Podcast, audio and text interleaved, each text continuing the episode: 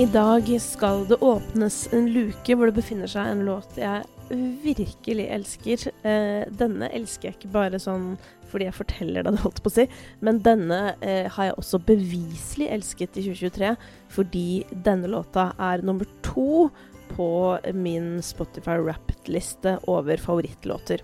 Og Jeg vet ikke om du husker det, men på søndag så fikk du en litt lengre episode hvor jeg fortalte hvilke artister som var mine favorittartister i 2023, eh, ifølge Spotify Wrapped. Og det skulle vise seg å bare være menn, eh, som jo virka litt rart for meg, for jeg har hørt ekstremt mye på damer. Men um, det viser seg at jeg har hørt veldig mye katalog på disse mennene, og at det totalt sett da har blitt uh, de fem som fikk um, være på toppen av lista over mine favorittartister. Men um, som sagt, den uh, låta vi skal til nå, det er altså den uh, andre mest spilte låta av alle låter jeg har hørt på på Spotify i år. og denne låta kommer fra en artist som er liksom virkelig en Altså, det er en, jeg lik, en artist jeg liker virkelig godt, hvis du skjønner. Det er en av de mest spennende artistene, syns jeg, som har kommet opp eh, de senere år.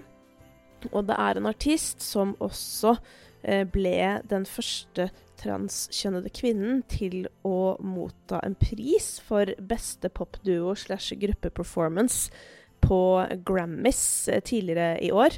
Eh, og prisen vant hun eh, da, sammen med Sam Smith, for deres Unholy. Så artisten vi skal til, det er Kim Petras, eller Kim Petras.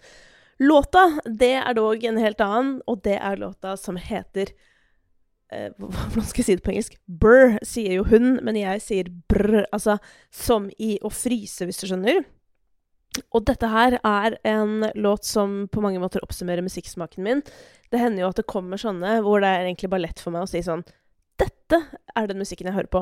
Eh, det fins en uh, annen låt som lenge har vært min sånn go to-låt med sånn Dette her er min musikksmak oppsummert i en sang, og det er Sinjin Hawk med They Can't Love You. Så den kan du også høre på, men det er en gammel låt, da. Men Kim eh, Petras og denne Brr, eller Prr, eh, det er eh, også en sånn låt. Det er på en måte alt jeg elsker i musikk. Um, det er jo ikke det er jo ikke sånn veldig sånn Man begynner jo ikke å gråte av å høre denne sangen, akkurat. Eller det gjør ikke jeg, i hvert fall. Men den er sinnssykt sånn powerful. Jeg får lyst til, uh, igjen, å synge den i speilet, som jo har blitt et slags kriterium, tydeligvis, for at jeg liker musikk. Men på en mye sånn hardere måte. Uh, I tillegg så er det en produksjon som er rett opp min gate. Det er veldig sånn Det er jo hard popmusikk. Noen kaller det jo for hyperpop. Uh, denne Hva skal jeg si? ja, et slags popunivers hvor alt er veldig ekstremt. Som jo um, er en sjanger som har vokst frem egentlig over ganske lang tid nå. Og personlig så var jeg jo veldig glad i et label som Rest in Peace ikke fins lenger, men som um, het PC Music. Det var et um, et eh, slags plateselskap og liksom kollektiv som var basert i London, og som ble drevet av en produsent som kalte seg for AG Cook. Eh, og det starta vel for fullt i 2013, som jo er mitt eh, favorittår i musikken. Um, og det som er litt gøy nå, er at jeg ser jo at uh, f.eks. Danny L. Harl, som også er en av mine favorittartister, har jo f.eks. vært med å skrive den nye musikken til Dua Lipa sammen med, uh, sammen med norske Caroline Eileen.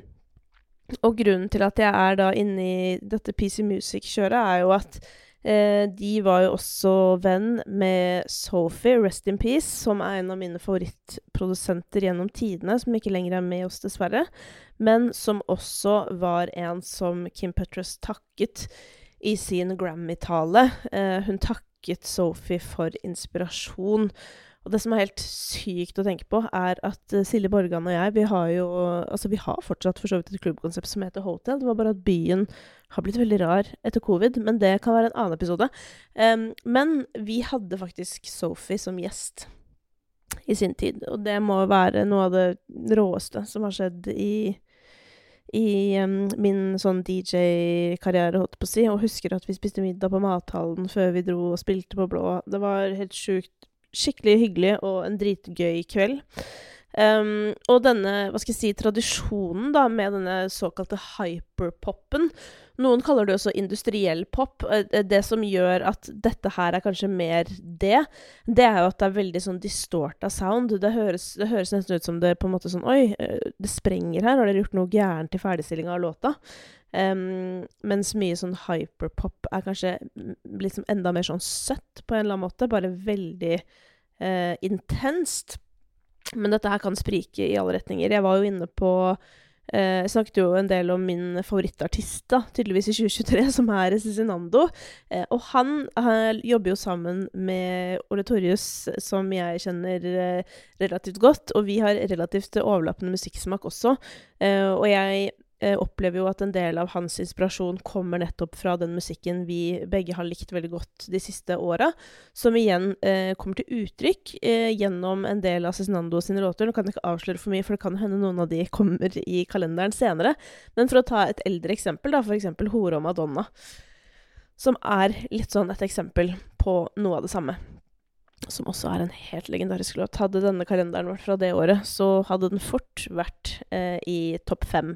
Og det må jeg også si angående eh, Kim, eh, Kim Petras-låta nå. Det er sånn Det er jo lett å tenke at sånn Um, eller det som jeg egentlig sa Herregud, nå uh, knotes det. Men det er det som er hyggelig med dette formatet. Det trenger ikke å være perfekt. Um, jo, jeg sa jo at sånn, det er vanskelig å rangere disse 24 låtene. Og det er det jo, fordi det er jo litt på dagsform og den slags. Men uh, jeg kan si at uh, dagens luke den hadde vært i min topp fem fra i år, sånn uansett. Så det er på en måte virkelig sånn Eh, hvis du hadde hatt pakkekalender nå, så hadde dette vært en jævlig bra pakke, hvis du skjønner. Så dette er en låt jeg føler du må sjekke ut hvis du ikke har hørt den før. Og det var dagens luke. Jeg er tilbake med ny luke i morgen, og jeg håper du setter pris på dette lille prosjektet. Nå har det jo gått bra i seks dager, da, så det, jeg syns det er ganske lovende, dette her. Og ikke minst er det skikkelig, skikkelig hyggelig. Og takk for at du hører på.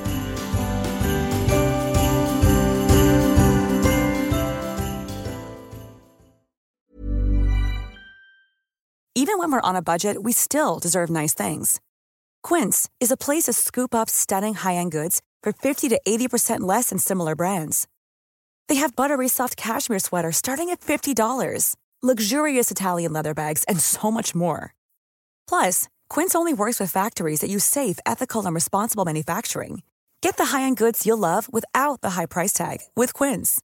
Go to quince.com/style for free shipping and 365 day returns. Mom deserves the best, and there's no better place to shop for Mother's Day than Whole Foods Market. They're your destination for unbeatable savings, from premium gifts to show-stopping flowers and irresistible desserts. Start by saving 33% with Prime on all body care and candles. Then get a 15-stem bunch of tulips for just $9.99 each with Prime. Round out Mom's menu with festive rosé, irresistible berry chantilly cake, and more special treats. Come celebrate Mother's Day at Whole Foods Market.